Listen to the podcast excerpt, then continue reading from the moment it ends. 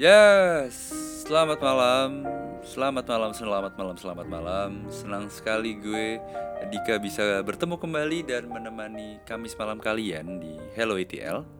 Apa kabarnya? Semoga tetap pada sehat walafiat ya.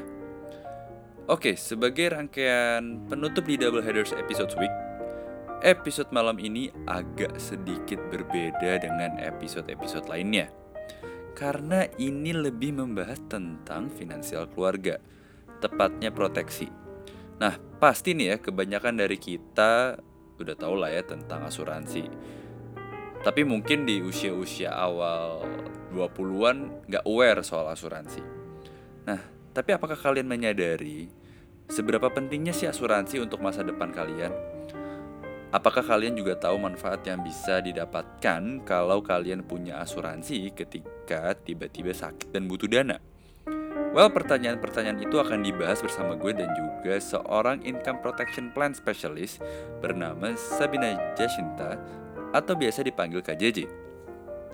Dan kami akan berdiskusi tentang aspek-aspek penting soal asuransi dan kenapa sih kita khususnya buat keluarga muda mungkin yang baru menikah, wajib punya asuransi sedari sekarang bahkan sebelum punya anak. Nah, dan buat kalian yang juga nantinya penasaran lalu ingin bertanya-tanya soal topik yang sama atau mungkin ingin ikut sharing tentang topik-topik yang lain, boleh kirim aja melalui email di atlanta.novel@gmail.com atau DM lewat Instagram ke @atl_id serta ke Twitter di @podcasthelloetl. Oke kalau gitu, sudah pada siap? Selamat mendengarkan episode 27 di Hello ETL.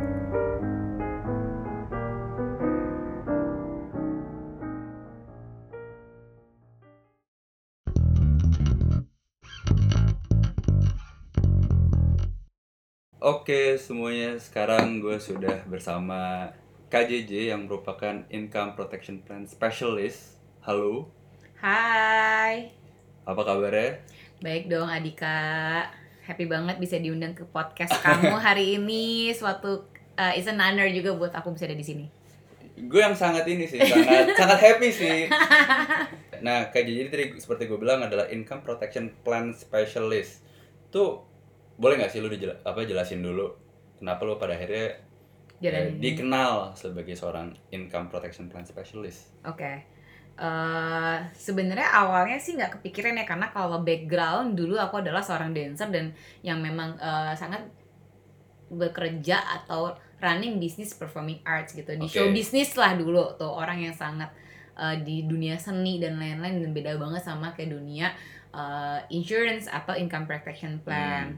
Cuma memang sempat ada satu kejadian di hidup aku Hmm. yaitu pada saat eh, keluargaku Hmm. banyak yang mengalami sakit kritis seperti kanker dan jantung. Dan Oke. itu gila banget, abis-abisan banget. Hmm. Keluarga gue menjadi perusahaan asuransi keluarga karena kita dulu nggak aware banget sama namanya insurance atau income protection plan. Hmm. Dan eh, ya udah yang nanggung ya kita kita juga. Jadi Hmm. Dengan itu aku jadi lebih aware sama yang namanya income protection plan atau Hmm. insurance. Terus akhirnya aku cari tahu juga Hmm. eh, dan akhirnya kita juga berberes buat keluarga gimana caranya deh kita juga amanin keluarga kita satu-satu karena waktu itu Hmm. bunyinya udah sampai mm-an dan ngelibatin keluarga besar Uh. dan akhirnya eh, singkat cerita kita eh ya aku ambil ambil insurance sebagai klien gitu kan sama Hmm. nyokapku dan segala macam dan pada so- soalnya aku tuh sebenarnya pada saat tante-tante cancer itu dan kita juga harus bantu Hmm. sebenarnya kita juga udah punya insurance at that time Hmm. aku sama nyokap gitu cuman ya kita punya punyaan doang gitu kayak Hmm. ya ya gimana sih kayak oh gue pernah ditawarin terus ambil terus ya udah yang penting gue punya satu cukup dan nggak pernah nge-review apa yang gue punya Hmm. itu satu sih jadi kayak akhirnya lebih aware sama income protection ini Oke. sama kedua kenapa bisa di sini ya karena dulu di pekerjaan gue yang zaman dulu itu dengan yaitu dengan dancing dan juga uh, di production Hmm. itu kan benar-benar purely active income maksudnya uh, ya gue benar-benar ngandelin fisik gue gitu Hmm. eh apa ya kalau misalnya fisik udah nggak kuat lagi aku belum tentu bisa making money lagi dan aku selalu berpikir Hmm. sampai umur berapa Hmm. aku kuat ngandelin fisik aku untuk kerja dan cari income. Jadi aku selalu seeking juga untuk kerjaan apa sih yang ujung-ujung aku nggak perlu ngoyo kerja atau active income lagi yang lembur-lembur banget juga tapi juga uh, uh, apa namanya menghasilkan. Mm-mm. Nah, jadi inline banget sama yang tadi awal aku aware sama tentang income protection plan. Hmm. Terus ternyata juga aku juga bisa uh, kerjain bisnisnya. Hmm. So ya ya bisa dirangkum seperti aku bantu orang, Hmm. tapi aku juga bantu diriku sendiri untuk financial aku gitu. Jadi akhirnya aku terjun di bisnis ini dan bener-bener uh, I'm I can proudly say I, I'm very passionate about about this thing gitu. Dulu kan aku juga di dancing kan passionate banget Hmm. dan ngerasa eh, kalau nggak passion tuh nggak bisa kerja kalau nggak Hmm. passion aku nggak mau kerjain cuman ternyata Hmm. dengan ada awareness dan ada eh, kebutuhan ini aku Hmm. cari passionnya dan akhirnya aku sadar di dunia ini tuh passion can be built Tapi kalau gue boleh tahu kan tadi lu bilang eh, keluarga lu kena cancer bener ya? jadi yang cancer itu Hmm. bener-bener langsung nggak bisa kerja 6 tahun kita harus biayain eh, terutama nyokap gue harus biayain karena itu kakak kandungnya nyokap itu abis-abisan banget sampai mm-an Lu nggak pakai protection? nggak pakai protection ya Oh. oh pakai pakai namanya perusahaan asuransi keluarga Oke. alias keluarga yang bayarin Oh, oh, oke. Oh, ada istilahnya ya? Jadi alias keluarga yang bayarin mau gimana Oke, kan iya, oke, oke. kayak ya mau ya mana ada yang tahu sakit sampai enam tahun dan sampai Iya, mm itu kan bener, jalannya bener. Tuhan gitu kan Hmm. terus nggak mungkin nggak dibantu terus ada juga em, ya nader tante juga ada yang cancer Hmm. terus juga ada dua om yang sakit jantung tapi nggak pakai sakit jadi langsung serangan dan dan saat itu juga meninggal Aduh. ya mungkin banyak lah di sini yang mendengar ini mungkin pernah alamin dan Hmm. mungkin kita juga sering lihat ya beberapa public figure yang lately ada juga yang serangan jantung dan langsung meninggal di umur Oh, muda iya, iya, iya. Eh, nggak perlu juga disebut gitu cuman waktu itu pada saat om aku meninggalkan almarhum om aku meninggalkan keluarga begitu saja tiba-tiba Hmm. lain cerita sama tadi kan kalau tante aku sekian tahun ngabisin mm dan keuangan keluarga yang harus dipakai gitu kan terutama Hmm. keuangan ibu sendiri jadi sangat impact ke aku Hmm.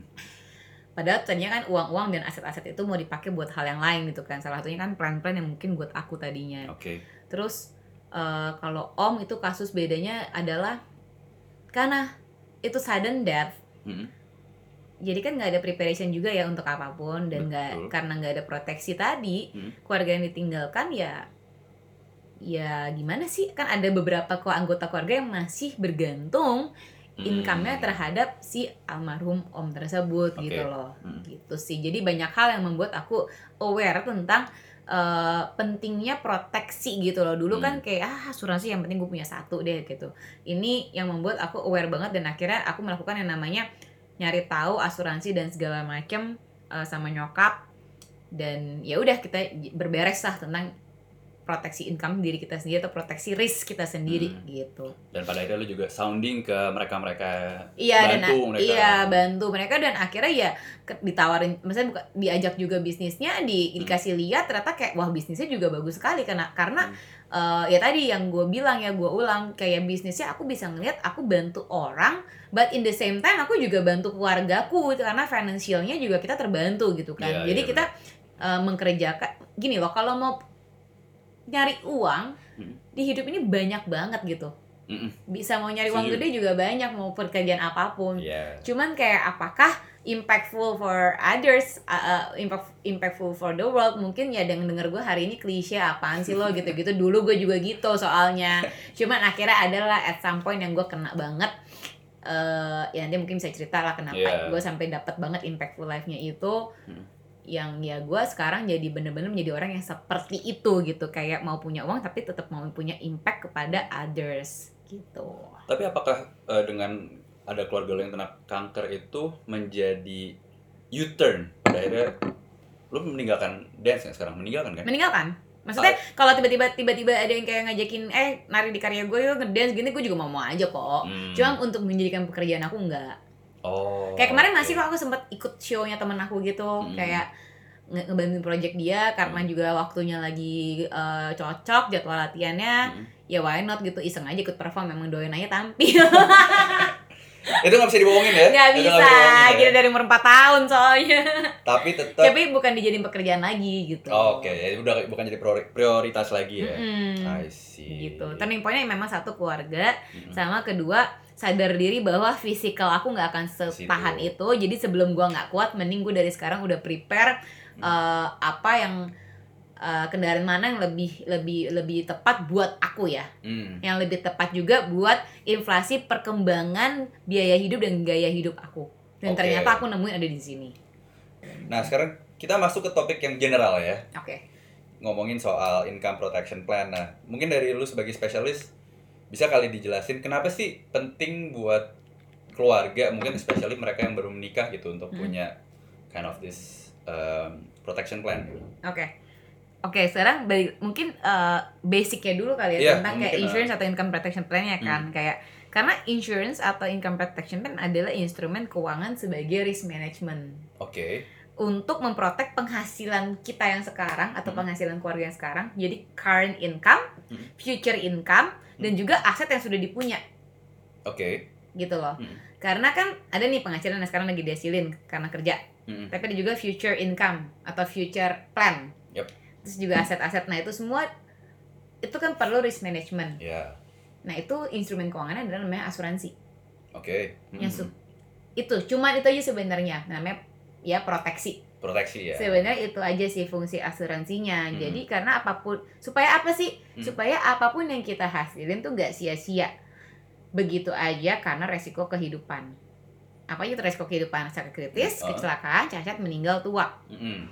yang mana Hmm. tanya aja ke diri sendiri bisa nggak sih kita pilih kapan itu terjadi Ya nggak bisa kan? nggak bisa kan Iya, bisa nggak pilih kena yang mana Nggak bisa. atau bisa nggak pilih kena di siapa duluan Nggak bisa. nggak bisa ya kalau bisa Iya. waktu itu tante gue jangan gitu kan Iya iya. Jadi, iya? pada saat itu terjadi Hmm. Iya terus mau gimana risk management udah ada belum udah siapin uang belum itu aja kan nah itulah asuransi berguna supaya nggak pakai aset yang lu udah punya supaya nggak ngilangin nggak pakai uh, income atau future plan lu Hmm. atau seenggaknya penghasilan yang saat itu lagi berjalan kan pasti stop karena itu terjadi Mm-mm. Ya harus ada penggantinya dong Iya bener. karena gimana kan life must go on karena Yap. pertanyaan gue ke lu lagi deh kalau misalnya hidup tanpa penghasilan bisa nggak Hidup tanpa nggak bisa. nggak bisa ya Nggak bisa. tanpa asuransi doang masih bisa ya Tapi kan depends on penghasilan gitu. Iya, tapi tanpa asuransi doang masih bisa Iya. hidup. Tanpa penghasilan nggak bisa hidup. Iya. Nggak bisa. Karena kalau selama penghas karena gini kalau penghasilan stop masuk, pengeluaran tetap keluar gitu kan. Iya. Nah, Baru ada kebutuhan kan. itulah gunanya asuransi jadi genset gantiin itu. Oke. Jadi dia gantiin pas lagi income-nya stop masuk karena risk bukan karena males. Kalau Hmm. asuransi males belum ada. Oke. karena resiko. Heeh. Nah, itu ya udah Uh, Ya. asuransi atau income protection plan itu yang menggantikan income lo pada saat resiko terjadi. ya ibaratnya kalau lagi apa lagi mati lampu ada genset gitu lah ya. Exactly. Iya. Cuma tinggal tahan berapa lama gitu kan. Nah, ya, iya. ya udah pilih nanti berapa lama ada rumusannya. Oke. Itu kayak gitu tuh ada hitung-hitungannya makanya eh, makanya dibilang income protection plan specialist karena kan designing kebutuhan per keluarga beda-beda. Itu itu tailor made. Makanya Hmm. memang pekerjaan ini masih high touch bukan high tech. Kan pekerjaan lo high tech nih. Iya, iya. Gitu lah ya. Iya. Pekerjaan gua high touch. Lu ketemu orang lah iya, gitu. karena one on one ya per ketemu orang. iya. Yang mana dari kemarin tatap muka digital sih. Karena nggak berani pandemi. juga asli. Tapi kan tetap mau nggak mau kan face to face ya. Iya, face to face gitu. zoom gitu kan. Nah, dan kebanyakan orang tapi nggak mau face it. Nah itu kenapa? Karena gue selalu, selalu menemukan banyak sekali keluarga yang belum punya nih. Iya. Either belum punya atau kayak eh, udah ntar dulu deh gini-gini. Iya. Nah itu kenapa? Oh ya itu kan. Nah, karena eh simple sih, they they don't understand the right concept of insurance. Mereka nggak ngerti Heeh. eh, konsep asuransi yang sebenarnya tuh fungsinya buat apa. Oke. Yang sebenarnya sesimpel tadi, cuman mem- menggan risk management, Hmm. memprotek income yang lo punya supaya lo tetap punya income. Karena lagi-lagi kalau income-nya stop karena SKCMT, sakit kecelakaan atau meninggal tua, Hmm. biaya hidup tetap jalan, mau siapa yang cover? Hmm. Apakah Adika yang mau cover? Oh enggak. Enggak kan? enggak. Tapi orang nggak mau face it itu dari awal, nggak mau Hmm. hadapin kenyataan bahwa 70% manusia di dunia itu sakit kritis dulu baru meninggal. Dan itu data WHO bukan data gue. Oke. Ya bukti di keluarga gue ada 4. dan ya mungkin akan nambah lagi dan gue Hmm. mah orangnya nggak naif ya bisa bisa aja gue sakit orang tan- uh, almarhum almarhum tante gue yang sakit yang pada sehat-sehat benar benar benar orang yang nggak mau face karena kan kenyataannya itu Hmm. ada orang yang kalau ada kenyataan di face it Yap. Ada yang lari dari kenyataan. Ya. Kebanyakan yang kayak ah nggak mau tahu ah nanti aja nggak ngerti nggak ngerti bodo amat. Mm. bisa jadi gitu. Atau sebenarnya ada orang yang mau face it tapi belum ngerti juga konsep yang benarnya. Karena di sini memang uh, insurance and financial literacy masih rendah sekali kan di Indonesia. Oke. Ya kan? Ya nggak usah dipungkiri lah dulu juga nggak ngerti gitu ya kan. ya ya. Terus karena itu jadi orang banyak yang cari-cari tahu sendiri atau asumsi-asumsi sendiri tentang asuransi yang banyak yang salah-salah uh, menganggap asuransi itu investasi menganggap asuransi itu apalah-apalah aku Hmm. nggak ngerti lah ya Hmm. mau pe- pengertiannya berbeda-beda persepsinya berbeda-beda akhirnya ya nggak mereka nggak ngerti kenapa harus punya itu Hmm, hmm. jadi nggak ada urgency nah iya Jadi, urgency. iya, nggak ada. Benar, Jadi- benar. jadi jawabannya balik lagi aku simpulin simple because they don't understand apakah apakah iya mereka harus tertrigger sama suatu kejadian baru akhirnya dia menyadari iya nggak bisa kalau udah ke trigger kalau amit-amit ke trigger di orang tersebut dia udah Iya. nggak bisa masuk asuransi nah itu dia nah itu kan. satu kalau aku kan ke triggernya di tante oke Tapi kan jangan sampai kayak keluarga gue dong yang udah bertubi-tubi baru ke trigger Iya, gitu itu kan. dia. Jadi memang ya memang and again Hmm. emang emang harus masih kitanya juga pada gain awareness, Hmm. kitanya juga masih makanya aku semangat banget tiap hari sharing ke banyak orang, sharing good news. Hmm. Mau nanti ujung-ujungnya mereka mau atau enggak terserah yang penting I, I already do my part. Yep. My part itu sharing kebaikan oke apa yang the right konsepnya tapi at the end pilihan mereka maunya gimana ya itu terserah mereka. Kalau gue sih gitu ya. Hmm. nah karena mereka nggak ngerti mereka tuh nggak ngerti bahwa the real function of insurance itu adalah mereka bisa memprotek keluarga dan mengamankan keuangan keluarga. Kalau ngerti Hmm. pasti ambil. Makanya asuransi mah nggak perlu dijual. Gue suka bingung orang bilang kayak aduh lu jualan asuransi kan susah apalah segala macam asli gue dibilang jualan apa segala macam padahal gue bilang ya ya elah kalau gue kasih tahu kalau gue sharingin ternyata sesimpel ini kayak Hmm. uang kecil dititip di perusahaan asuransi tapi ada uang besar tiba-tiba pas race terjadi buat keluarga lo Hmm.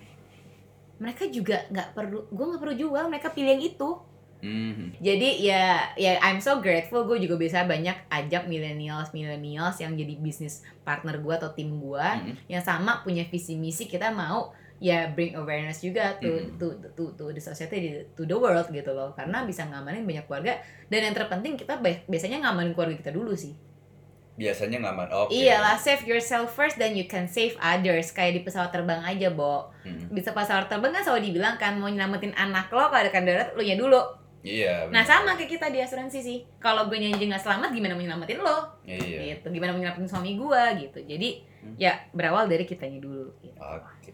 Tapi ya ke, eh, kalau lu boleh lah sharing sedikit. Mungkin in general gimana sih lu bisa meyakinkan mereka untuk ayo deh lu apa harus segera- ah. sebenarnya aku nggak berus aku selalu nggak berusaha meyakinkan orang tapi Hmm. aku me- karena aku believe banget jadi Hmm. mungkin kayaknya orang jadi teryakini oke. Karena aku cuma tanya-tanya tadi kayak tadi aja sih. Hmm. bisa nggak sih hidup tanpa asuransi? Ya. Bisa. Mm, tapi bisa nggak hidup tanpa income? Oke. Nggak bisa nah karena selama income-nya masuk pengeluaran lo aman. Income stop masuk pengeluaran tetap keluar nggak? Mm, tetap. Dan apa sih yang bisa bikin income kita dipaksa stop 100% oke. Kalau cuman karena situasi ekonomi dan politik seperti PHK, bangkrut segala macam, gue bel- I believe semua orang ganti bisnis aja. tapi lagi, lagi lay off kan iya, sekarang. pandemik, berapa banyak teman-teman kita yang ganti pekerjaan tiba-tiba? ah banyak. Banyak banget kan? Karena s- apa keywordsnya selama sehat. Iya Tapi gimana kalau risk datang? Mm, mm, Nah, pas ada saat risk datang itulah asuransi bekerja sebagai risk management. mm. Padahal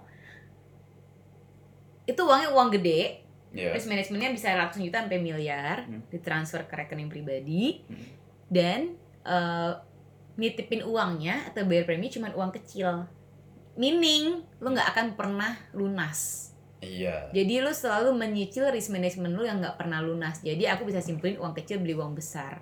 Aku Mm, cuma ngomong itu aja sih. Kalau kalau orangnya um, get it Hmm. dan orang yang mau face the reality bahwa dia tidak kebal dari SKCMT kecelakaan saat meninggal tua Hmm.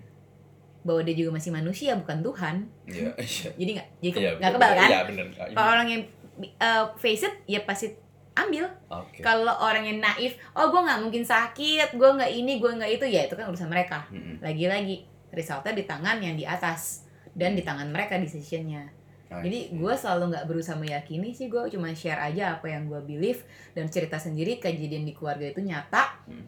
dan ya udah orang yang sama-sama bisa rasain itu dan biasanya tuh rata-rata juga juga mengalami ya pengalaman di keluarga Hmm.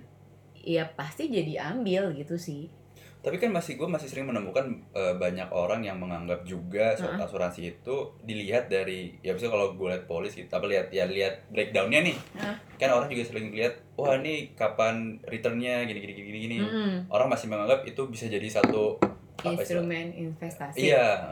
Iya itu sih yang banyak misleading di society atau di masyarakat Mhm.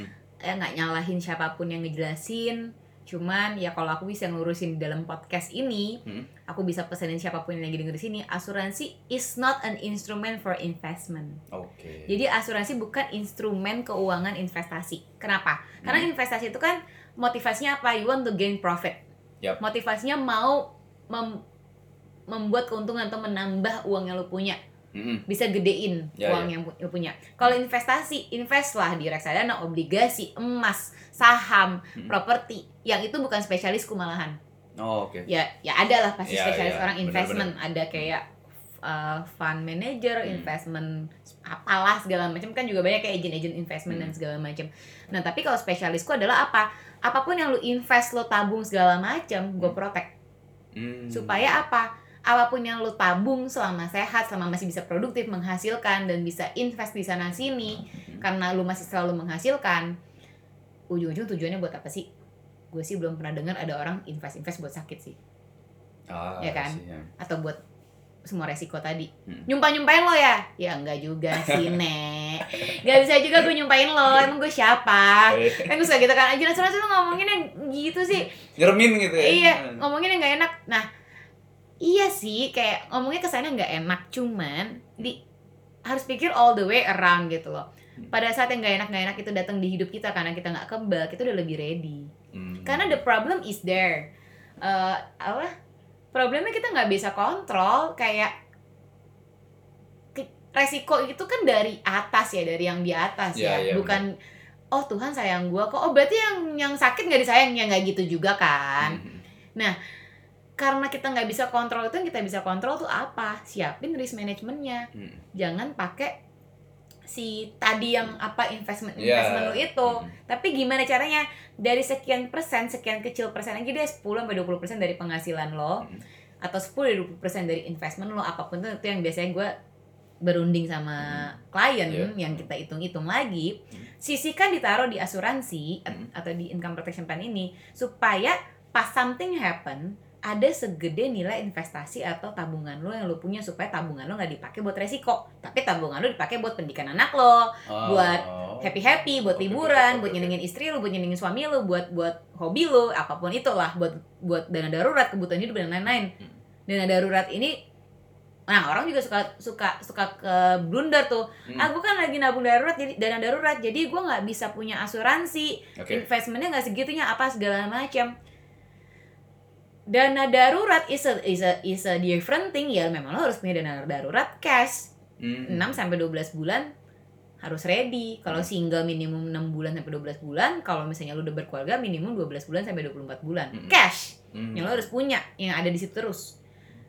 Tapi eh, dana darurat itu bukan buat yang kayak nggak enak kan sakit apa segala macam belum tentu cukup soalnya biasanya karena mm kan kalau udah sakit. Iya. Kalau dana bener. darurat ya buat apa nih kayak pandemik ini nih sekarang nih. Kalau yang punya dana darurat, darurat pasti aman. Ya, untuk, Iya kan? untuk sementara waktu aman Iya lah, kan? gitu Iya ya, kan? iya. Seenggaknya masih ngamanin kan. Benar, benar. Tapi kalau seenggaknya kan karena selama sehat pasti bisa work things out, tapi dana daruratnya kepake. Tapi sekian persen itu bahkan seharusnya malah punya proteksi dulu baru dana darurat. Hmm. Karena kalau kamu punya dana darurat dulu atau tabungan dulu, bukannya nggak boleh ya, in the same time kalau bisa dulunya bagus. Tapi kalau punya dana darurat doang nggak punya, karena gini, karena gue lagi nabung buat dana darurat, gue nggak mau alokasiin buat premi atau asuransi. Hmm. Oke, pas risk datang lu pakai apa? Iya. Dana daruratnya, Iya. habis juga dong. Nggak jadi- ya, ujungnya nggak- Iya, Belum tentu cukup. bener. Karena dana darurat kan lu tabung sejuta 12 tahun jadi 12 eh lu tabung sejuta 12 bulan jadi 12 juta. Iya. Kalau di asuransi lu tabung sejuta dalam 80 hari jadi 2 m. Hmm. Lagi-lagi bukan investasi tapi proteksi. Oke. Karena uang kecil beli uang besar. Gimana tuh? Ya itu ya harus dijelasin lagi di sini dijelasin kita kayak presentasi nanti. Iya, lama ya. Lama, tapi Lama. intinya konsepnya uang asuransi adalah uang kecil Hmm. beli uang besar bukan investment. Kalau ngomongin return apa segala macam itu bonus atau cashback deh. Memang di asuransi ada beberapa jenis tipe asuransi. Hmm. Memang ada satu jenis tools asuransi yang memang Hmm. premi yang disetor tidak hilang, Hmm. tapi dikelola. Hmm. Tapi tujuannya bukan buat investasi, Oke. tapi buat mengcover biaya resiko kita yang semakin hari semakin naik Hmm. sebagai manusia Hmm. gimana caranya dan the prime yang kita setor perlu dikelola Hmm. yang disebut dengan unit link. unit link. Tapi unit link sering banget disalahartikan sebagai investasi Nah, eh. sama banyak orang Oke. dan aku nggak nyalain siapa pun itu karena aku nggak tahu juga bagaimana pembelajarannya kan aku juga Oke. di sini nggak menggurui ya. Iya. Cuman apa yang aku belajar Hmm. adalah unit link is not for investment sih. Hmm. Beneran deh, kalau return of investment lu mau nyari yang gede nggak di sini. Makanya kalau klien-klien gue yang emang mainannya investment apa segala macam ngerti dan langsung get get point Hmm. pas aku ngomongin asuransi karena dia tahu investment nggak di asuransi. Bener. Kalau mau ngerasa asuransi buat investasi namanya halusinasi. Oke, tuh dengar tuh. Nggak mungkin, nggak mungkin udah deh kalau misalnya diiming-imingin asuransi bisa invest kalian, aduh nggak deh. Kalau invest tempat lain aja, ini buat memprotek investment lo. Oh, Gitu. berarti jangan disalahartikan lah ya pokoknya ya. Iya jangan jangan disalah fungsikan sih. Nah, salah fungsikan sih. Jadi ngarap-ngarap investasi nanti nilai gue kalau premi sejuta nanti kalau misalnya ini berapa tahun jadi sekian nanti untungnya gini aduh jangan deh tapi yang lu pikirin gimana cara lu nabung sekian cuman berapa juta atau sekian ratus ribu tapi ada ratusan juta sampai miliar yang bisa menjadi suntikan dana darurat pas resiko terjadi itu asuransi Hmm. Gitu. Itu pemahaman pemahaman pemahaman itu yang orang tuh masih kurang ngerti lah ya. Iya, memang. Ah. Ya, memang itu challenging. eh, itu challenge ya di, di Indonesia financial literacy dan insurance literacy-nya memang masih sangat rendah. Kalau tentang financial planning apa segala macam not not not not my expertise lah. Banyak Hmm. banget financial planner Iya, kan di di hidup ini gitu Hmm. dan itu mereka lebih jago dan aku aja masih banyak belajar dari mereka. Hmm. My expertise tadi kan income protection plan-nya. Iya. Nah, Jadi apa yang udah didesain sama financial planner, Hmm. gue bikin risk management ya. Oh, Oke. Gitu, Itu jadi- hitungan. iya, karena sebagus apa pun financial planning lo, alokasinya teratur apa segala macam, begitu risk datang, buyar. Iya benar. Jadi yang pertama hierarkinya punya proteksi dulu, Hmm. baru tabungan, Hmm. Baru investasi, Hmm. paling atas baru spekulasi. Ini kalau digambarin dari segitiga. Jadi paling atas spekulasi. Justru paling atas spekulasi. Ya, spekulasi Oh. atau bisnis itu yang terakhir kalau lu punya. Jadi paling bawah yang harus lu punya dulu fondasinya fondasi. eh, proteksi. Oh. Karena apa pun yang lo hasilin, ya lu harus ada protek proteksinya Benar, dulu. Benar, benar. Mau sekecil-kecil apa pun income lu dan lu harus berbanding lurus dengan income. Iya. Karena udah nabung-nabung gak punya proteksi, ya tabungan lo akan kepake juga buat resiko Pasti. gitu. Belum belum tentu resikonya terjadi di lo, bisa jadi di kakak lo atau di adik lo, lo juga Ya, yang bayar. Ujung-ujungnya spendingnya ya buat inilah, buat itulah, bukan buat pribadi. Kan? Iya, jadi perusahaan asuransi keluarga Iya. lagi-lagi. Lo tanpa masuk perusahaan asuransi mana pun di bumi ini, you're already an insurance company kok. Hmm. Maksudnya tanpa kamu subscribe di mana pun perusahaan asuransi, Hmm. kamu tuh adalah perusahaan asuransi buat keluarga. Hmm. Kalau kamu nggak punya risk management pakai perusahaan asuransi yang beneran PT, Iya. Ya berarti lo adalah PT asuransi. Tinggal tanya ke diri sendiri, punya nggak? kuat nggak Nah, uangnya? Fundingnya iya. kuatan lo apa perusahaan asuransi? Nah iya. Kalau gua kan dulu nggak tahu tuh kayak gitu. Ya, pada pada akhirnya tahu lah ya. Pot-potan ya, pada akhirnya tahu. Jadi Hmm. gitu sih. Kenapa orang belum terlalu ngeh ya mungkin ya karena masih rendah itu dan kadang disalahartikan juga. Hmm. Oh yang kan gue udah financial planning nggak perlu juga asuransi gitu ya. Lagi-lagi aku nggak menggurui beda-beda. Hmm. Toh lu mau punya risk management atau enggak, it's your own life. Mm-mm. Aku cuma bisa share apa yang aku tahu dan aku udah rasain di keluarga. Mm-mm. Ujung-ujung keputusan di tangan klien. Jadi gue gak pernah mau maksa juga sih, cuman kasih tahu aja. Nah, nah menurut lo kapan waktu yang tepat? Let's say kan ke- tadi kerja sama millennials. Mm-mm. Kapan waktu yang tepat buat kita kita nih yang masih Iya. 20-an untuk oke deh gue decide untuk ambil insurance Oke, kalau mau tanya itu jawabannya kemarin. kemarin kemarin sebelum pandemi apa kemarin Oh, enggak kemarin aja maksudnya maksudnya alias as soon as possible. Oh, oke. Kalau bisa kemarin, gitu loh.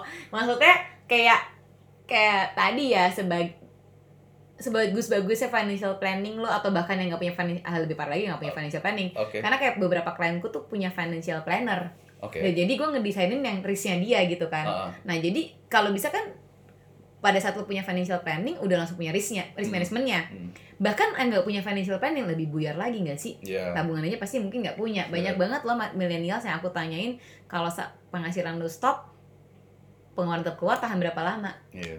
ada yang cuma bilang job sebulan Hmm. ada yang job 6 bulan ada yang gila hampir nggak hampir nggak ada yang job tahunan sih Hmm. jadi segitu riskinya jadi kalau mau tahu kapan ya it's now Nah, mau itu Nah. mau lu single, belum lu belum berkeluarga lu yang penting sekarang lu punya pribadi dulu. iya senyaman mungkin preminya gitu loh Hmm. kayak karena it it, it can uh, bisa bisa dimulai dari sepuluh ribu per hari atau tiga ribu per hari Hmm. makanya kadang klien-klien di hidup kita juga di partner-partnerku juga ada yang supir gojek uh, ibu tukang sayur dan segala Sema- kecil nggak apa-apa yang penting lu mulai dari yang nyaman karena gini kadang orang suka bilang aduh gue belum mampu nih bayar premi Hmm. jadi jangan nunggu lu mampu Hmm. nggak akan pernah mampu Hmm. karena kan ya tadi ya kan nggak kelihatan nggak beli barang gitu Hmm. tapi semakin lu nggak mampu bayar premi mini lu nggak sama lu makin nggak mampu bayar resiko Hmm. sakit kecelakaan sakit meninggal tua itu Hmm. satu jadi poinnya kalau single Hmm. kenapa harus now Hmm. karena nggak single dan berkeluarga kenapa Oke. harus now Hmm. karena kita nggak pernah tahu apa yang akan terjadi satu detik ke depan lo bahkan Iya sih. Ya Bener. sedetik, sedetik kemudian ke depan sih gue masih podcast sama lo ya Iya. tapi Masih bergulir satu. masih masih masih nih satu, iya satu, oke. tapi kita nggak ada yang tahu sedetik kemudian Iya, benar. sehari kemudian besok seminggu kemudian dua minggu lagi sebulan kemudian Iya. itu kita nggak ada yang tahu banyak hal-hal yang penundaan di klien gua ternyata udah keburu sakit dan nggak bisa masuk lagi dan gua nggak bisa bantu Hmm. itu yang paling ngenes Hmm. terus jadi mereka jadi nggak bisa punya proteksi karena nunda nunda nunda sampai akhirnya keburu sakit Hmm. Karena perusahaan asuransi nggak mau kalau udah sakit bukan masalah Oh. uang lo Iya, iya. lo mau punya uang mau preminya gede kalau udah sakit perusahaan asuransi juga udah nggak bisa nerima lo Hmm. itu satu jadi ya you have to do right away Justru ketika sehat lu harus ambil gitu. iya Oke. jangan yang kayak kan gue nggak mungkin sakit Nah, Dan oke oh gini kadang-kadang orang gini aduh asuransi gue nggak pernah gue pakai juga deh. Ya bagus nggak lo pakai kali emang lo pengen sakit gitu kan.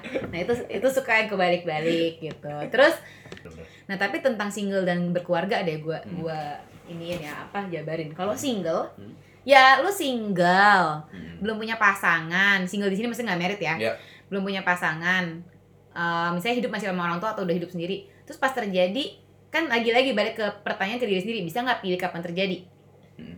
nggak Nggak tahu. nggak tahu ya Hmm. pas terjadi mau nyusahin orang atau mau ngurus diri sendiri Ngurus diri sendiri. iya tapi kebanyakan orang suka nggak mau Oh, iya. nggak sadar. Nggak sadar. atau mungkin nggak ada yang ngasih tahu Iya, iya. jadi kalau single lebih kepada jangan nyusahin orang Iya. karena nggak ada juga yang mau help lo atau kayak lo mau nyusahin orang tua lagi kan nggak mungkin Iya. kalau udah berkeluarga udah MGM judulnya?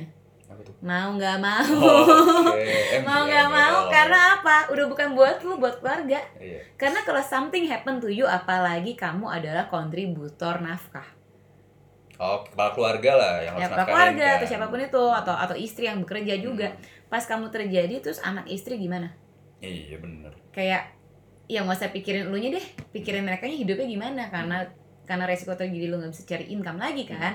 Dan uh, bisa aku karena gini ya tadi aku ulang karena kalau misalnya nggak ambil sekarang besok nggak tahu apa yang terjadi pas terjadi kamu perusahaan asuransi keluarga juga harus bayarin juga Hmm. harus bayar diri sendiri atau buat istri sama anak buat biaya hidup dan lain-lain nah jadi bisa dibilang asuransi adalah surat cinta buat keluarga kita Jangka panjang lagi. Iya jangka Hmm. pendek juga kan lagi-lagi nggak tahu kapan Iya, terjadi. Lagi ya. Iya karena orang suka bilang kayak asuransi tabungan jangka panjang atau pendek. Kalau menurut lo apa? Ya gara-gara gue ngobrol sama lo ya dua-duanya sih. Iya. Sebenarnya jangka nggak tahu Iya, ya kan? ya gue dua-duanya aja lah. gitu. Iya. Karena kalau jangka panjang deposito gitu Iya, jangka panjang. Kalau asuransi nggak pernah tahu. Malah dibilang jangka pendek. Hmm. Karena baru nabung dikit bisa dapat uang gede. yang bisa dikeluarin juga. ya gitu kan kalau risk terjadi ya, Iya, bukan tarik menarik premi apalah Nah, tadi itu itu yang dia. orang suka bilang bisa tarik premi investment whatever Nah. itulah. Nah jadi Hmm. insurance is a love letter Hmm. for your family, Hmm. for your children, for Hmm. your parents supaya mereka hidupnya nggak susah karena lu Hmm. gitu. Oke, tuh dengerin tuh orang-orang tuh yang baru-baru nikah atau belum nikah, Love Iya. letter tuh ya asuransi. love letter surat cinta karena Bukan a threat loh pokoknya. bukan lah lo kalau misalnya aduh emang kayak emang uang bukan segala tapi segalanya perlu uang Iya. Itu fakta. fakta, Fakta. kan gitu Nah tadi lu bilang soal naif. Nah kemarin sempat rame di sosial media ya soal as- asuransi pendidikan. Mm-mm. Nah itu benarkah atau salahkah dan kenapa orang masih berpikir lu mau invest pendidikan tapi pakai asuransi? Hmm, ya benar dan salah ya ya. Benar Soalnya gini, salah. karena gini, asuransi pendidikan sendiri itu tuh kayak kita bisa artikan dengan banyak hal. Mm-mm. Banyak yang miss-miss gitu loh gini. Eh sebenarnya apa sih motivasi orang mau maunya asuransi pendidikan? Mm-mm. Bener nggak sih mau meng eh, mem- memastikan bahwa supaya anak lo bisa sekolah sampai selesai kan itu kan? Iya. Mm. Tapi apakah sih zaman dulu ada nggak sih asuransi pendidikan? Setahu gue sih enggak ya zaman Hmm. kita sekolah. Tapi orang-orang yang sampai selesai sekolahnya karena apa? Hmm. Rata-rata kan karena orang tuanya sehat dan masih bisa nyekolahin. Iya. Jadi selama sehat, Hmm. ya lu nabung di yang namanya tahapan berjangka, deposito, Iya. tahapan jangka panjang, yang yang invest, apa yang yang yang fix lah, Mm-mm. Yang berjangka buat pendidikan anak lo. Oke. Yang bagus itu aku pernah ikut satu webinar financial advisor di internasional di dunia buat pendidikan anak itu dari eh, penghasilan Hmm. itu 2 sampai 5% kalau bisa 5% dari whatever we earn. Dari apa yang Oh. dihasilin. Jadi udah mulai even though belum ada an- anaknya. Jadi udah mulai start dari sekarang 2% tuh harus sisihin buat Eh, pendidikan. 5% yang bagus. 5%. Ya, 2 tuh udah minimal Oh. gitu. Jadi eh, from apa pun yang kita hasilin. Ah, ah. Kenapa bukan Hmm. bukan bentuknya nominal karena jadi auto inflasi. Oke. ya kan Mm. kan income naik juga kan Bener, gitu nah jadi itu ditaruh di mana pun lah terserah ada instrumen keuangannya mau pilih yang mana Hmm. kalau bisa yang lebih menghasilkan fix uh, bunga ya Iya. kayak gitu itu selama sehat bisa nabung kan Iya. tapi lagi-lagi yang bisa bikin nggak jadi sekolahin anak apa sakit atau meninggal kan Iya. Ya udah jadi risknya itu pendidikan the real insurance pendidikan is actually uang um, pendidikan anak lo dihitung dari dari mulai lo mau nyekolahin dia sampai nanti kelar Hmm. itu bisa dengan bantu- bantuan financial planner atau bisa hitung sendiri Hmm. itulah yang dimasukin ke dalam risk income protection tadi Oh. Sebenarnya gitu. Itu juga masuk bagian situ sebenarnya. The real insurance pendidikan. Hmm. tapi banyak yang suka salah artiin insurance pendidikan katanya masuk ke asuransi nanti tahun kesekian bisa ambil segini Nah, ah, tahun sekian bisa ambil segini. Itu tuh sifatnya variabel atau fluktuatif atau spekulasi. Terserah sih mau yang pasti apa yang nggak pasti. Kalau Hmm. gue sih yang pasti-pasti aja. Hmm. karena pas lama sehat gue pasti bisa nyekolahin anak gue dan gue bisa nabung Hmm. uh, dengan dengan dengan disiplin ya tadi. Hmm. 2 sampai 5% dari apa yang lu earn Hmm. untuk mulai langsung tabung di education plan Hmm. toh juga ada income yang masih berjalan Hmm. tapi pada saat risk terjadi Hmm. I have to make sure anaknya tetap sekolah Iya. itu lagi-lagi masukin ke dalam nilai si income protection mau berapa Hmm. gitu sebenarnya Wow, ternyata tidak sesimpel itu ya sebenarnya. tidak makanya butuh orang-orang seperti kita Oke, sekali lagi. saya lagi enggak lagi. tapi kalau emang bukan tipe yang kayak lu bisa beli di e-commerce pencet-pencet urus sendiri gitu enggak kan iya. Ya, makanya nggak ada juga Benar, benar, benar, benar. gitu karena life insurance is all about life gitu it's all about kehidupan kehidupan orang beda-beda Semua hal about life. iya kehidupan orang beda-beda dan kita harus tailor made beda-beda Hmm, orang beda-beda juga kebutuhannya gitu Hmm. nggak bisa dipatok satu gitu nggak kayak asuransi mobil Iya, itu dia beda. gitu Oke, eh, sebagai penutup mungkin lo ada apa ya, istilahnya kayak semacam saran atau masukan dari sisi spesialis untuk para pendengar. Oke, sebenarnya sih intinya um, kayak the the time is now to get to have an income protection plan atau life insurance itself. Oke. Banyak banyak banyak banget orang pikir life insurance itu kayak ah buat meninggal doang. Hmm. Nah, namanya aja life insurance bukan death insurance. Ya. Ya nggak? Hmm. Berarti bukan buat insurance meninggal, tapi life insurance itu adalah buat kehidupan orang yang lu cintain pas lu tinggalin. Hmm. Itu satu. Kalau lo emang udah punya keluarga, kalau belum ya udah buat hidup lu supaya nggak nyusahin orang. Hmm. Karena at the end Ya.